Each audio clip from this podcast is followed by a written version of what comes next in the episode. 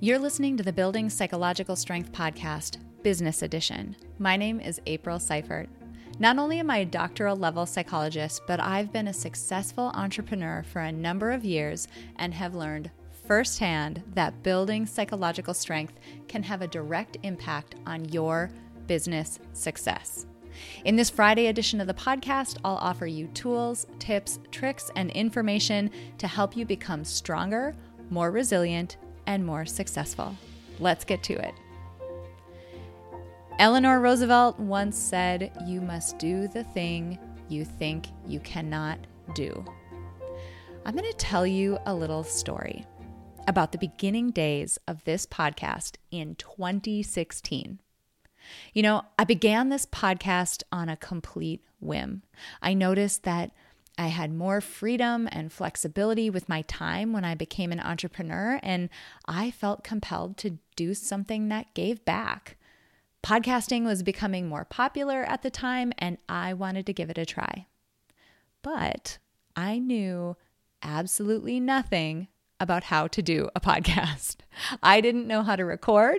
I didn't know how to edit. I didn't know how to get my episode out there once it was created. I didn't know how to book guests, how to interview people, how to promote myself, how to collaborate with other podcasters, and on and on and on. But I did it anyway. And I sucked. It was objectively bad. And occasionally, I actually go back to those early days of the podcast and I listen to my initial episodes. I cringe my way through them. They are awful. But the thing is, you want to know how many people listened to my first episodes back then? Less than 20. Less than 20 downloads per episode. And compared to what things look like now, that's nothing. Yet, so many times when we stumble through something that's new or big or unfamiliar or ambiguous, we think everyone is watching us. We second guess and pick apart our decisions, behaviors, and failures because we feel like we are on a stage for everyone to see. And to some extent, that's true.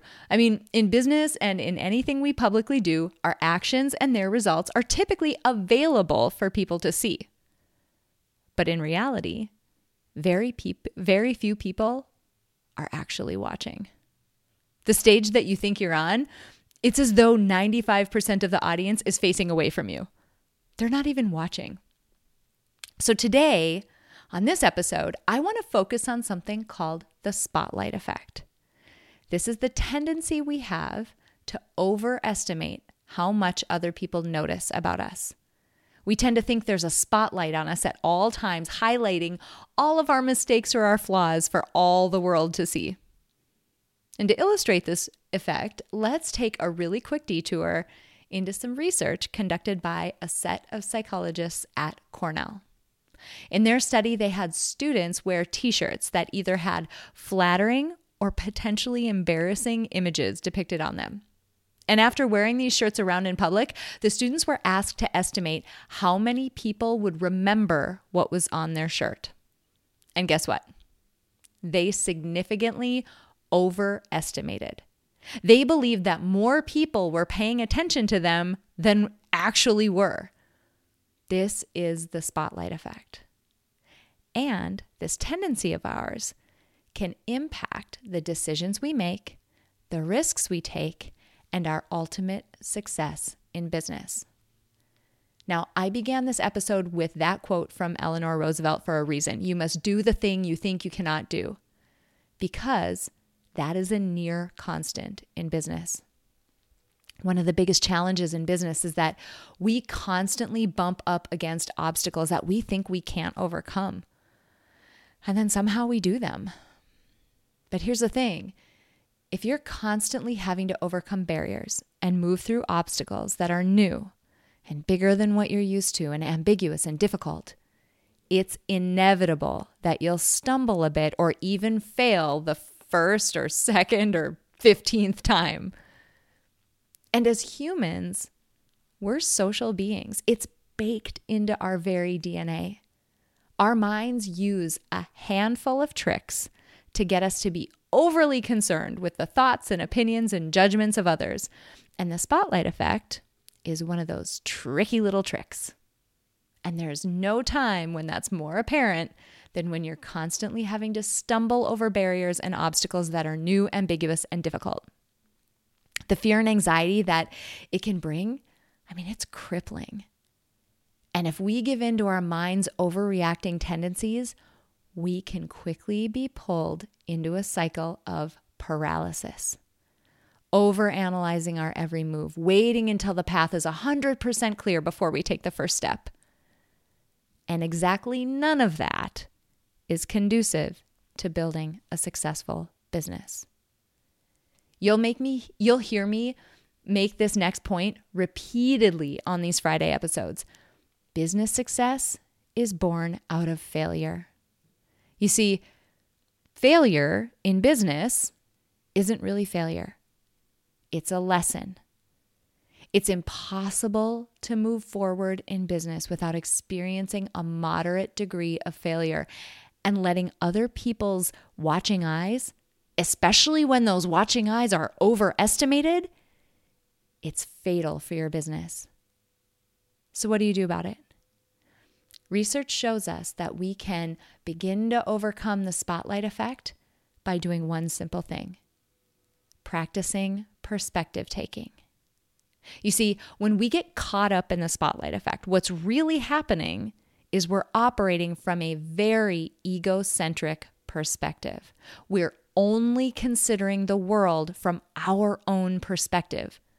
We're neglecting to consider that other people are almost certainly heads down, distracted by their own insecurities, challenges, tasks, responsibilities, you name it. They're not paying attention. And to illustrate this, Let's go back to my podcast example. This is episode 216 of the podcast. And actually, if you think about it, it's higher than that because for months last year, I didn't even number any of my Mindset Minute Monday episodes. I just released those without even numbering them. I mean, technicality, but anyway, I'm well into the 200s. And I still encounter people in my life, close people. These are not strangers, these are close people who have no idea that I even have a podcast. No clue. Thousands and thousands of people download this podcast each month. And thank you to every single one of you, by the way, from the bottom of my heart. You will never realize. Thank you so much. Um, yet, people who are close to me in my life still have no idea that it exists. I feel like I talk about it all the time. Yet, people who are close to me in my life still have no idea that it exists. The spotlight effect. They're not paying as much attention to it as I think they are. Take the, the perspective of other people.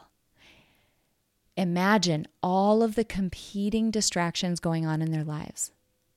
And then make your move, make your mistake, fail and learn the necessary lesson that you need to learn in order to move your business forward and succeed. Thank you so much for joining me for this business edition of the Building Psych Strength podcast. If you're an entrepreneur, current or aspiring, and you're interested in becoming more successful, hit the subscribe button. And until next week, be strong, be resilient, and be successful.